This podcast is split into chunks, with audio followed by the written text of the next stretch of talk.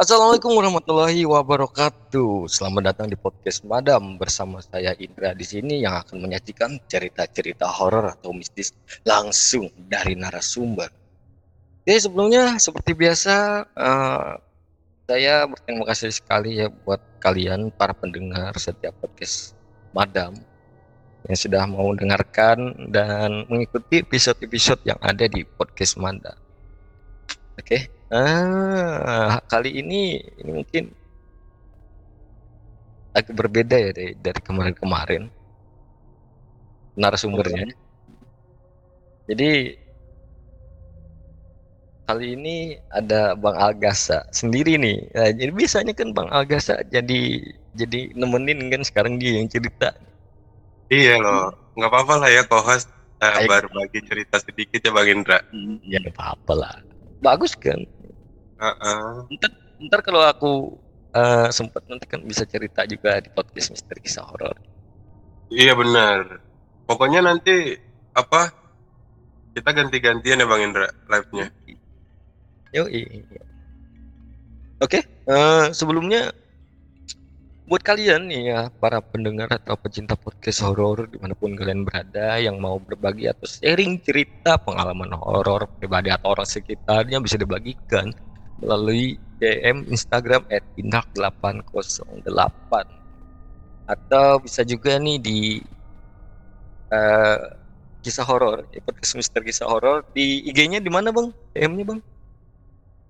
Kisah horor ya di official kisah horor. official kisah horor. Dan hmm. ada akun pribadi juga kan seperti biasa. Iya ada akun pribadi uh, eh, gue juga kalau teman-teman kali aja gitu ya kan mau temenan sama gue hmm. di add pentol ke pentol nah di add untuk ke pentol jangan lupa ya guys di follow di follow siapa tahu nanti kalau udah banyak follower kita di endorse ya kan ah iya amin ya boleh lah ya kan ya centang biru di Instagram iya iya iya iya iya iya Iya kayak orang-orang udah, udah jadi akun verifikasi ya. Oh iya. Iya iya. Itu, itu foto foto cuan bang. Oh bukan main. endorse endorse. endorse. Kemarin Cimori ya disuruh. Iya. Sekarang minta langsung sama Instagram malah. Lebih kacau gitu ya siap apa nyari sponsor Oke, uh, sebelum kita mendengarkan cerita dari narasumber nih, uh, sekali lagi buat kalian yang mau berbagi cerita bisa DM Instagram di @intak08 atau di @official kisah horor dan akunnya Bang Al nih @pentol kepentol. Iya benar. Gitu. Oke, uh, mungkin langsung aja untuk ke cerita. Tengok kanan kiri, pastikan kalian benar-benar sendiri mereka ada di mana?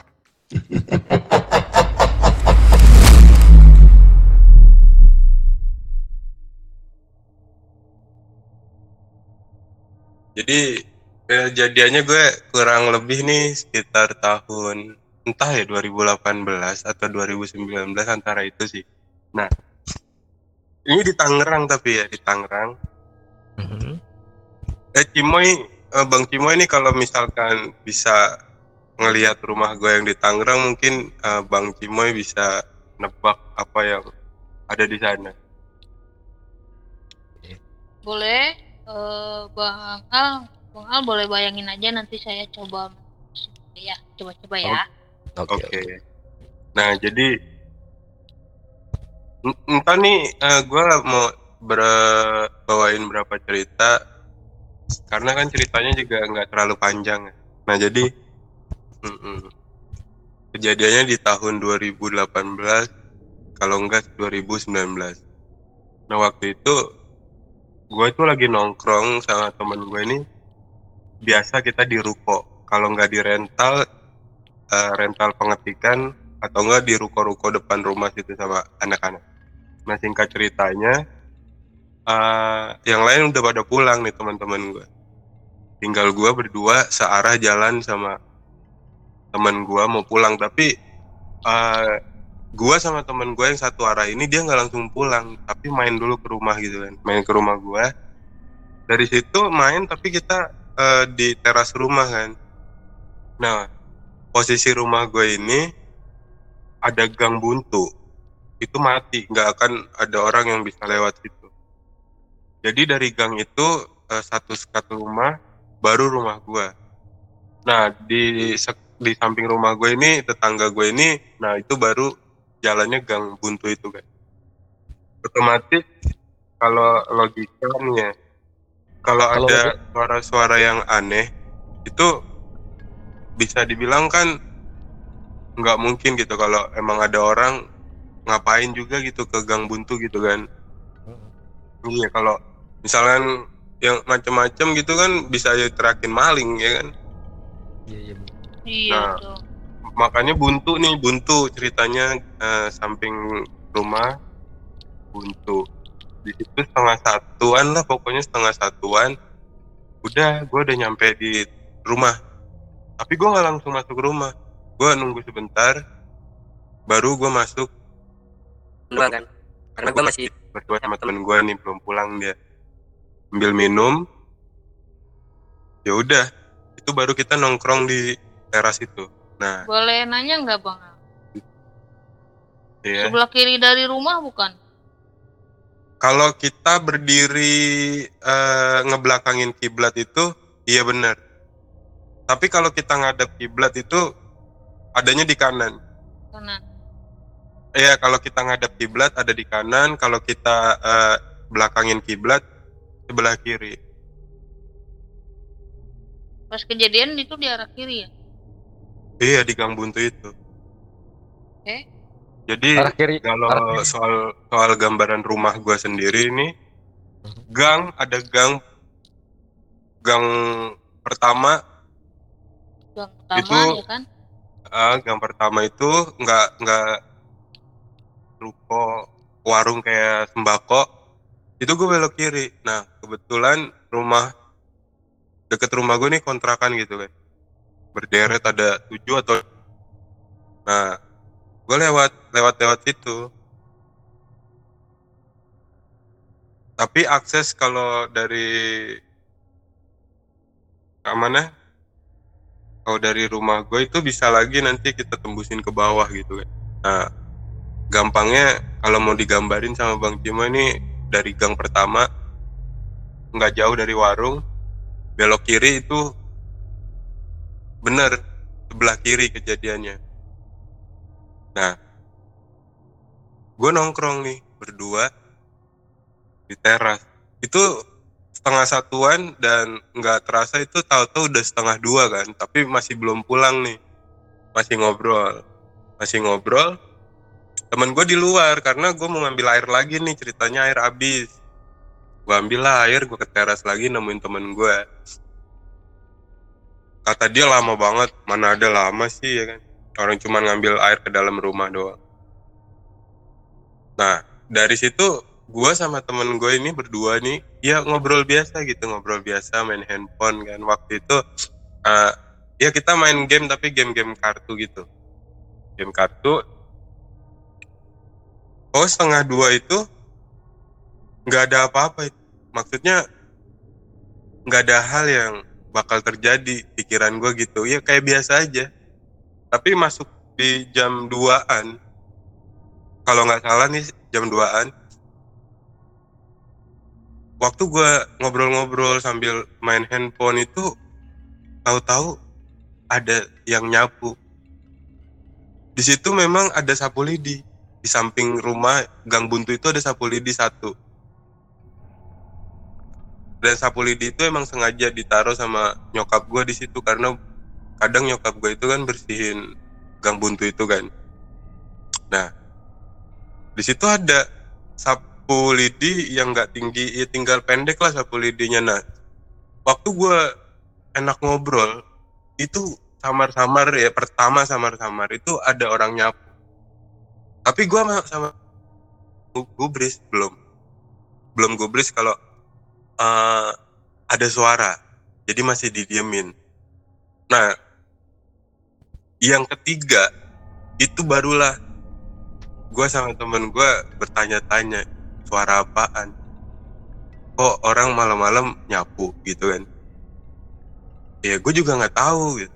jadi nyapunya itu bunyinya eh kayak tiga kali. Jadi serak serak serak udah tuh dari suara itu nanti berhenti. Berhenti nanti dia nyapu lagi. Ya. tiga kali lagi. Rak rak rak nah di situ gue sama temen gue tuh udah kayak anjrit. Seriusan gue bilang. Gue udah main tatap tatapan sama temen gue nih. Main tatap tatapan nah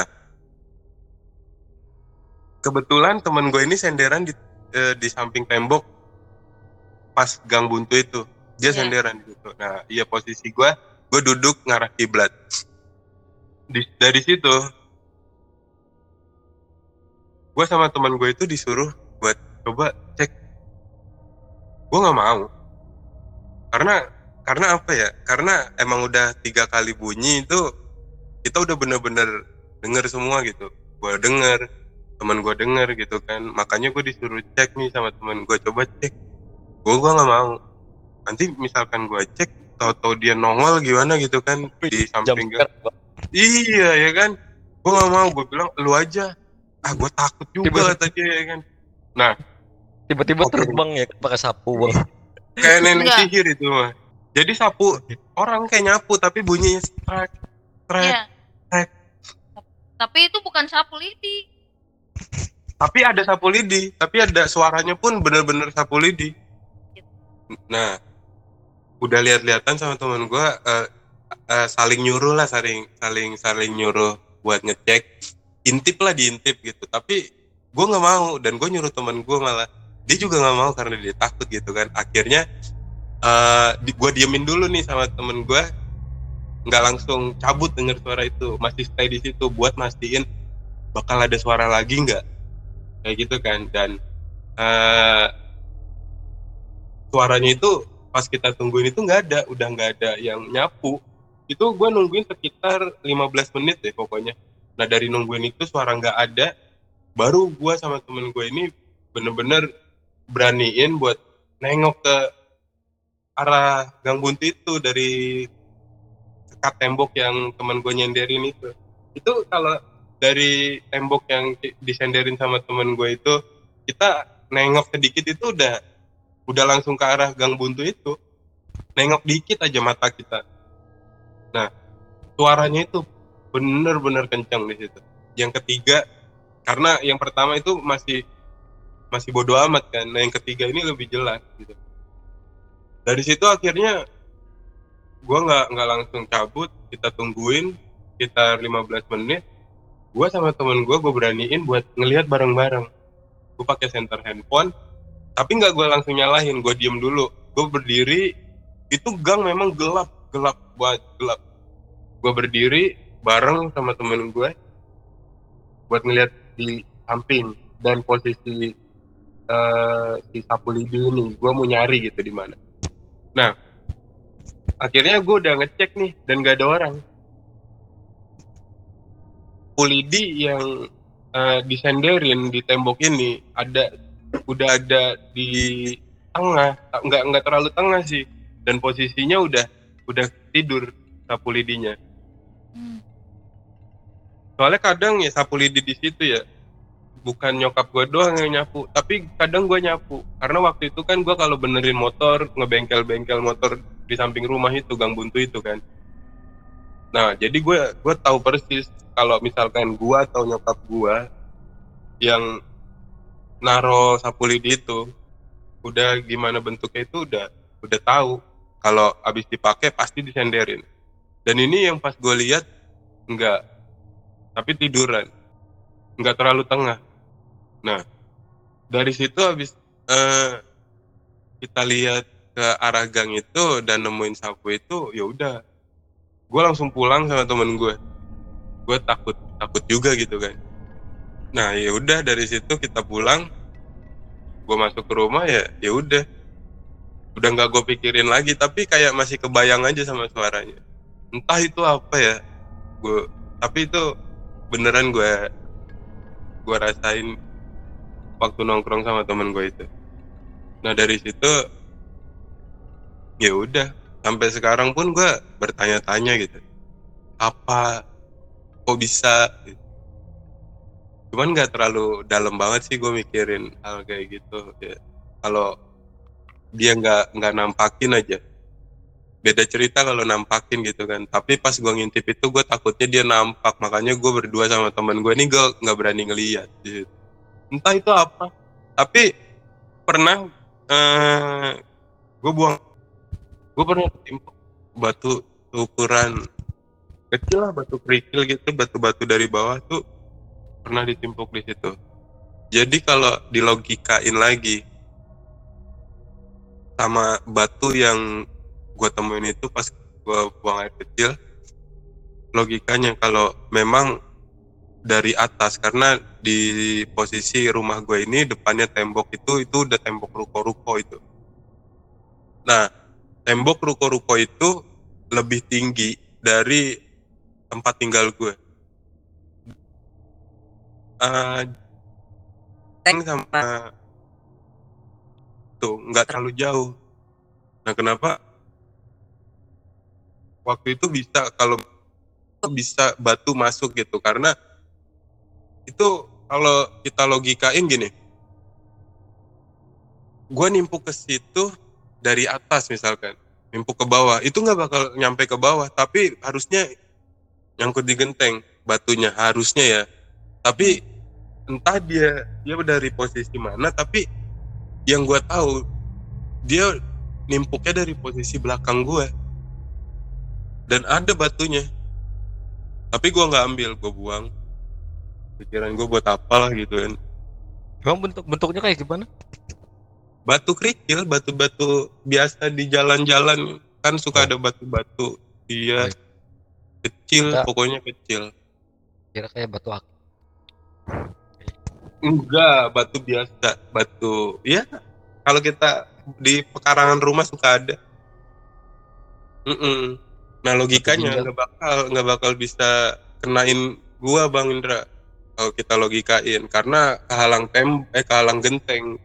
Kalau memang dia empuk dari atas ya. Iya jadi kalau misalkan dia nih nimpuk dari atas ruko itu itu nggak bakalan bisa ngenain gua bang nom seharusnya. Kalau memang dari atas ya. Tapi batunya yang gua lihat itu waktu jatuh bener-bener di depan gua di depan terpal jatuhnya.